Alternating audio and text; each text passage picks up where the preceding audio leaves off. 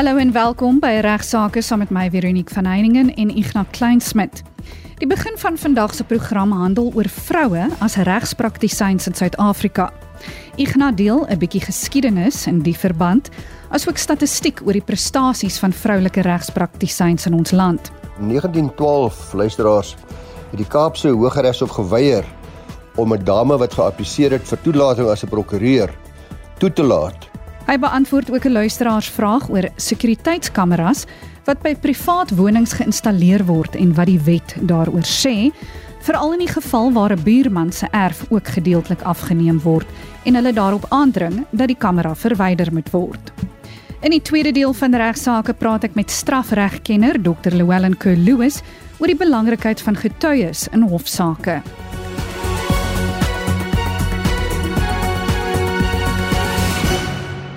Ons skop nou die program af met Ignas wat praat oor die rol van regspraktisyns in Suid-Afrika. Hy deel ook 'n bietjie geskiedenis in die verband. Goeiemôre aan al die dames daar in die ateljee, Veronique, Omrey, julle almal. Ek weet dis eers weer Vrouedag in Augustus 2023, maar kom ons maak maar vandag die 17de Oktober Vroue Regsdag hier in Suid-Afrika. Ook sommer as deel van RSG se 85-jarige bestaansviering ek gaan so 'n bietjie klomp dinge sê oor vroue praktisyns en uh wie sou ek kies as ek 'n prokureur moes kies? Vroue prokureur, manlike prokureur, ek is geneig om oor te hel na die vroue geslag want in 1912 luisteraars het die Kaapse Hooggeregshof geweier om 'n dame wat geappliseer het vir toelating as 'n prokureur toe te laat. Onder andere het een van die bekende regsgeleerdes, 'n ou Romeins Hollandse regsgeleerde van Leeuwen die volgende te sê gehad oor vroue toe daar oorweeg is om hulle as prokureurs toe te laat. Ek haal aan: Almost all women by reason of a natural affliction are less suited to a profession and position such as the legal profession whereby knowledge and capability are required. Furthermore, due to the fact that women cannot properly manage themselves as or their possessions and that they normally act contrary to their best interests, women have from ages past been placed under the care and control of men, as men have more wisdom available to them, and it therefore comes to pass that he must control the weaker gender. Nou ja, ek kan hoor hoe 'n klomp vroue nou verstik aan hulle shooters of soos 'n klomp vriendinne hulle self vriendinne noem, aan hulle gin and tonics en sê hierdie van Leon was daar 'n regte chauvinistiese vark. Uh, as ek dit vandag sou herhaal, dan dink ek sal ek myself kan beskou as die spreekwoordelike kalkoen wat entoesiasties stem vir Kersfees. Maar 'n baie interessante vraag luisteraars wat uh, dadelik uh, opkom by my is mans het vir eeue lank die regsprofessie gedomeineer. Was hulle in staat om 'n goeie reputasie op te bou, reputasie gebaseer op integriteit, eerlikheid, respek ensovoorts. En ongelukkig moet ek sê vir my manlike kollegas, dit is duidelik as mens kyk na wat alles oor die eeue gesê is oor prokureurs en dit was maar manlike prokureurs waarvan gepraat is. Dan was ons die teiken van baie lelike grappies deur die publiek. Baie van die wêreld se mees beroemde en bekende literêre persone en filosowe byvoorbeeld het baie myle gekry uit die lae houe wat hulle gemik het op manlike regsgeleerdes. Ons kom terug aan na Plato toe. Hy het gesê die prokureurs van die destydse antieke Griekeland uh, was uh, ek haal aan persons of small and unrighteous souls of uh, selfs Lukas in die Nuwe Testament sê en ek sê dit in Engels want dit sê soveel mooier woe unto you also your lawyers for you laden men with burdens too grievous to be borne vir my baie mooi Jonathan Swift die bekende Jonathan Smith hy het gesê prokureurs is maar niks meer as open aanhalingstekens a society of men bred from their youth in the act of proving by words multiplied for that purpose that which is white is black and black is white according to what they are paid. Ons kan ook luister na Keats. Hy het gesuggereer dat is wetenskaplikes sal waarskynlik uh, prokureurs geklassifiseer het in die natuurlike geskiedenis van monsters Maar uh, dan natuurlik ken ons almal Shakespeare se baie beroemde lyn in Henry die 4de hy gesê the first thing we do let's kill all the lawyers. Maar vir my is die heel mooiste een en is die ene van Theodor Dreiser in sy bekende roman The Financier. Hy het gesê lawyers in the main are intellectual mercenaries to be bought and sold in any cause. Life is at best a dark, inhuman, unkind, unsympathetic struggle built on cruelties, and lawyers are the most despicable representatives of the whole unsatisfactory mess. Laat ek onmiddellik sê, dis maar 'n bietjie van 'n persepsie en natuurlik weet ons dat vir elke oneerlike prokureur is daar 'n 100 plus eerlike prokureurs. Maar dit het my tog getref toe ek nou veral Jonathan Smith het praat van 'n society of men. Toe tref dit my skielik maar dis eintlik manlike prokureurs wat vir die negatiewe persepsie in die publiek verantwoordelik is. Dis manlike prokureurs wat die reputasie, die negatiewe reputasie daar gestel het. Maar daar's baie goeie nuus. Vroue prokureurs in Suid-Afrika luisteraars is stadig maar seker besig op 'n stil stil manier en sonder uh, eh, bassein en sonder kanonskote om die hele regsprofessie oor te neem. Dit sluit in die prokuraat, die prokureursberoep as ook die advokateberoep en ook so regsfakulteite. Ek gaan praat nou verder oor vroue in die regsveld en veral oor hulle prestasies. 'n Interessante geskiedenisfeit is dat Constance Mary Hall was in 1926 die eerste prokureur wat toegelaat is in Suid-Afrika, dit was in die ou Transvaal as 'n prokureur om te kan praktiseer. Maar daarna het die manne soos helde begin val. En ek met my eie chauvinistiese trots maar bietjie in die sak steek as ek kyk na ons eie firma waar daar 'n hele klomp jong baie bekwame vroulike prokureurs praktiseer en wat 'n plesier is dit om saam met hulle te werk. Eerstens is hulle natuurlik baie pligsgetrou. Hulle is sonder twyfel geweldig hardwerkend en hulle het baie baie uithou vermoë. Staatmakers in die ware sin van die woord. Ek het uh, ook natuurlik baie goeie nuus want as gevolg van hulle toegewydheid is hulle nie net goeie prokureurs nie, maar hulle is ook stadig maar seker besig om alle moontlike prestasies wat daar in die regsberoep behaal word oor te neem.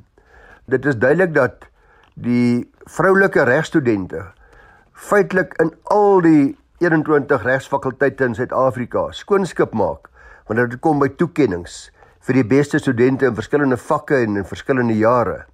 Ook by die uh, prokureursordes is dit die vroulike kandidaat-prokureurs wat heel dikwels verreweg die beste resultate het in die verskillende toelatingseksamens. Dit is ook hulle wat die meeste toekenninge kry van die verskillende prokureursorde. En dit geld terloops ook vir die eksamens wat betref die toelating van aktevervaardigers. Feit is dat van alle prokureurs wat oneerlik is, en dis nou baie interessante nuus, moet mens mooi gaan kyk hoeveel van die rol geskraap word wat vrouens is en hoeveel van die rol geskraap word wat manlik is, maar natuurlik moet ons dan appels met appels vergelyk en dit pro rata doen. En dan verander die vraag, dan word die vraag of ek 'n manlike prokureur sal kies of 'n vroulike prokureur nogal belangrik want ek wil tog graag 'n eerbare prokureur hê.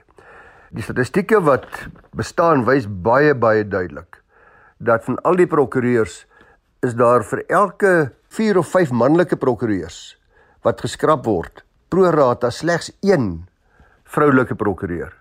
Nou dis natuurlik 'n baie baie duidelike aanduiding dat oor die algemeen vroulike prokureurs baie meer eerlik optree uh, wanneer dit kom by die neem van trustgeld en is dit ook baie duidelik uit hierdie statistieke dat dit nogal nie 'n slegte keuse is om te maak as mens dalk oorweeg om 'n vroulike prokureur te kies wanneer jy eendag 'n prokureur van die eie moet kies nie.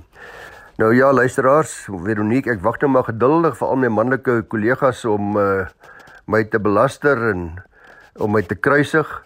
Maar onthou net, ek is gewapen met statistieke. Terloops wat totale getalle betref is vroulike prokureurs stadig maar seker besig om meer te word as manlike prokureurs in Suid-Afrika en uh, van my kant af 'n lekker dag aan al my vroulike kollegas. Ek gaan bespreek nou 'n luisteraarsbrief wat handel oor sekuriteitskameras wat by privaat wonings geïnstalleer word en wat die wet daaroor sê.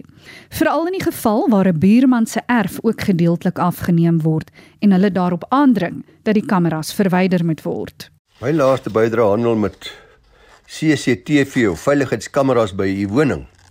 Ek kry interessante skrywe van anoniem wat sê, "Wat sê die wet hieroor in terme van die bure ensovoorts?" Hy sê hy het 'n voorval met die wat die eienaar van die huis langsom aanvanklik baie bly was dat 'n gedeelte van haar erf ook gedek word deur sy veiligheidskamera, maar sy het verhuis en die huurders wat nou ingetrek het, het nou begin kla oor een spesifieke kamera wat hoofsaaklik op my eie huis en my grensmuur gestel is, maar nou ja, die kamera wys nog 'n gedeelte van die bure se voortuin. Hulle het nog nie kom klaar nie, maar ek hoor by ander mense dat hulle gaan klaar. Hulle het gevra ek moet die kamera heeltemal wegvat op daai spesifieke hoek en ek het vir die eienaar gesê ek sal die hoek wat die kamera kyk stel, maar ek het dit ongelukkig nie heeltemal laat verdwyn nie en nog 'n gedeeltetjie van die hoek val nog binne my buurman se tuin. Na die kamera van rigting verander het. Ek moet bysê ek kan die kamera ook nie heeltemal wegskuif of na 'n ander hoek nie, want dan gaan my dekking baie swak wees ensovoorts. Dan wil jy weet wat die reg daaroor sê. Nou, ek dink is 'n vraag wat dalk uh, baie relevant is in vandag se tye. En natuurlik het elke persoon die reg om sy eienaam te beskerm en in hierdie opsig maak baie persone van sekuriteitskameras as deel van 'n sekuriteitstelsel gebruik om dan hierdie doelwit te bereik. Maar 'n algemene probleem is wel dat in hierdie omstandighede die kamera soms so opgestel word dat dit nie anders kan dat dit 'n deel van 'n ander persoon se privaat eiendom ook opneem of in beslag neem nie. Dit kan natuurlik problematies wees soos ons luisteraar heeltemal tereg uitwys. Nou ongelukkig luisteraars is daar geen wetgewing of regulasies wat ek kon opspoor wat die gebruik van Suid-Afrika in Suid-Afrika van sekuriteitskameras reguleer nie. En kom dit maar neer op 'n opweging van die pligte, die regte en die veral die belange van die onderskeie partye se regte.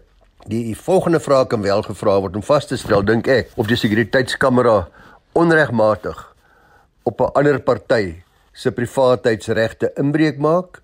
Een daarvan is is die sekuriteitskamera van so 'n aard dat dit oorlas veroorsaak en die ander persoon, jou buurman in hierdie geval, verhoed om daardie deel van sy eiendom behoorlik of redelikerwys te kan geniet. In 'n woorde, is dit iets wat hom regtig behoort te pla. Neem die sekuriteitskamera 'n deel af van die ander persoon se eiendom waar daardie ander persoon 'n redelike verwagting kan hê van privaatheid byvoorbeeld sy swembad of sy slaapkamer of sy badkamer, daai tipe van ding. Of neem jy sekuriteitskamera aansienlike gedeelte van 'n ander persoon se eiendom ook af.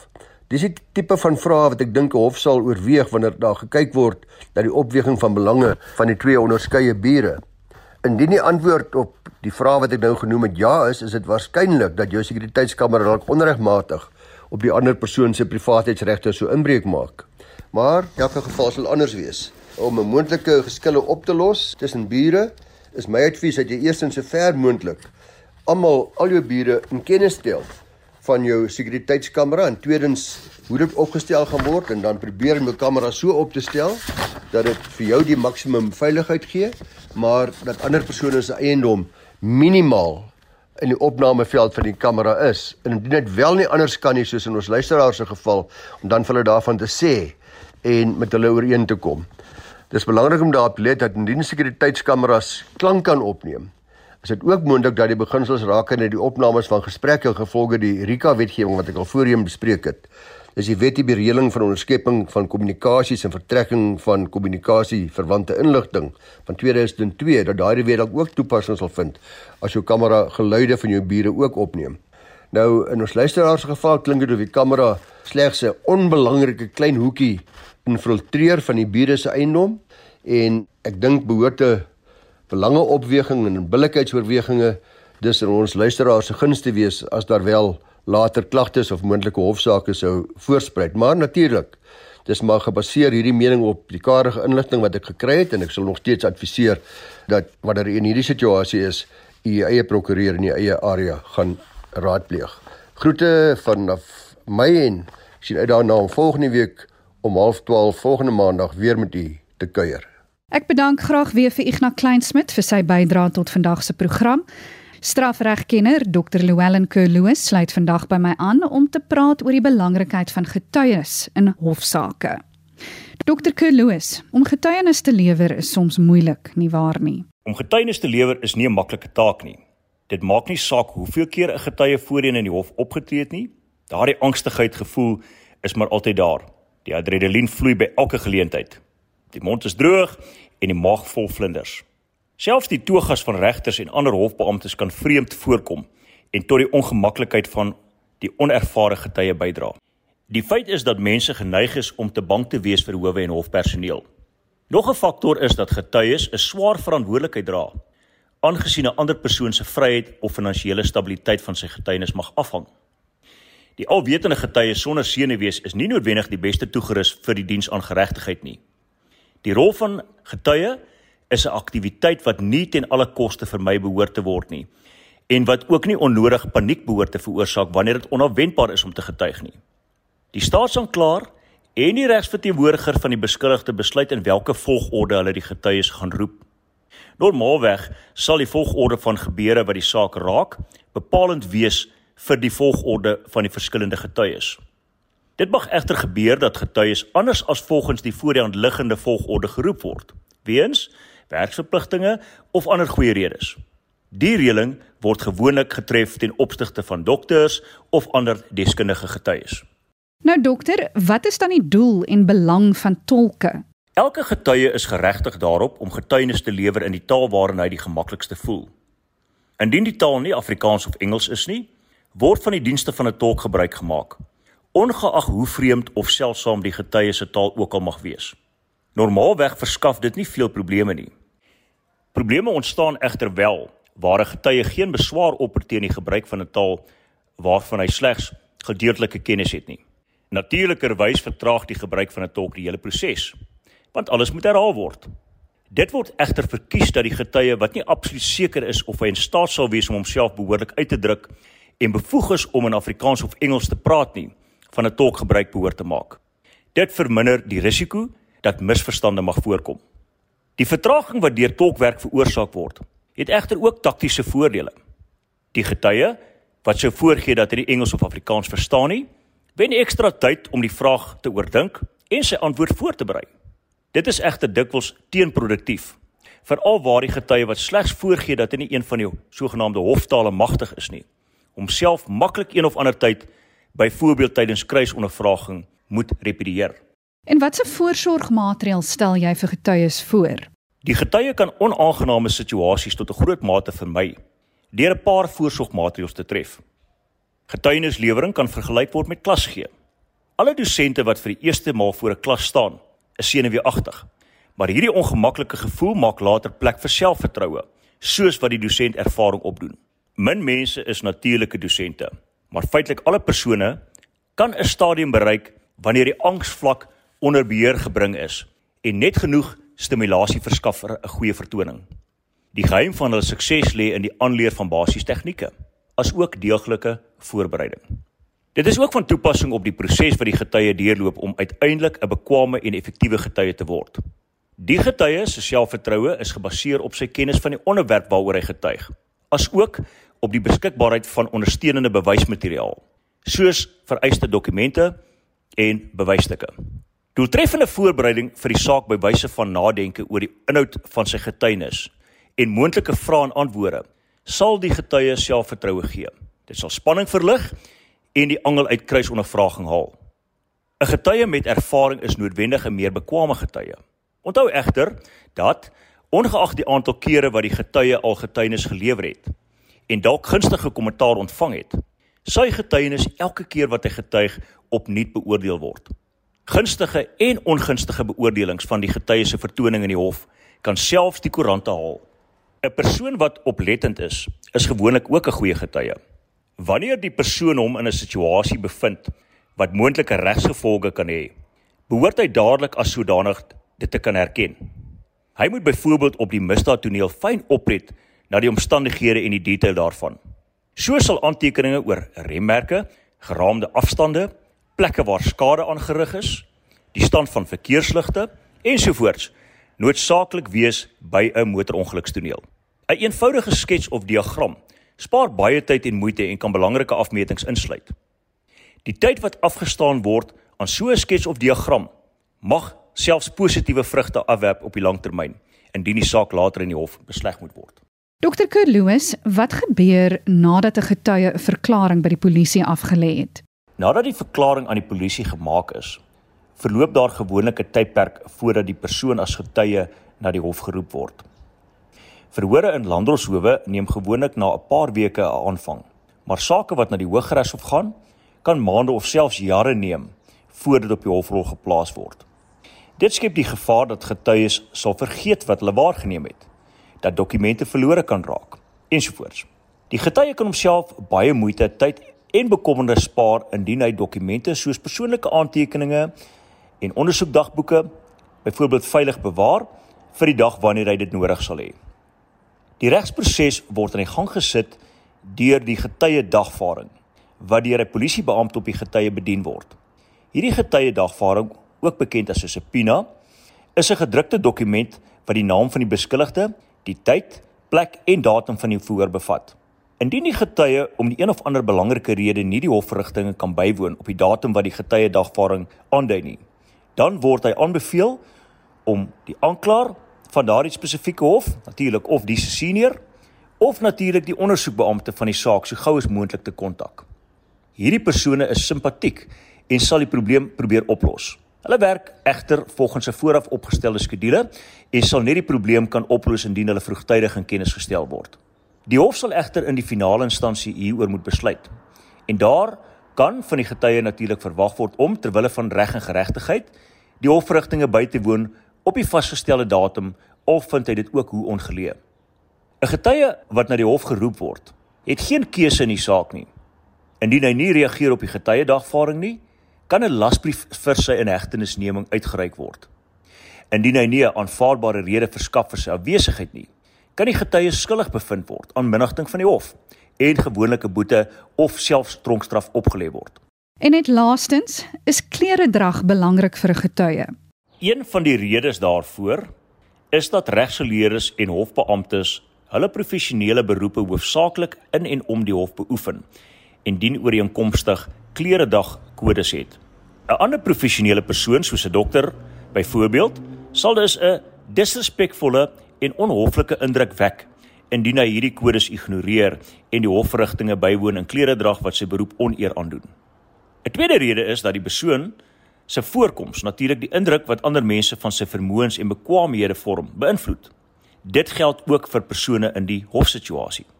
Dit is verder belangrik om te weet waar die hof geleë is.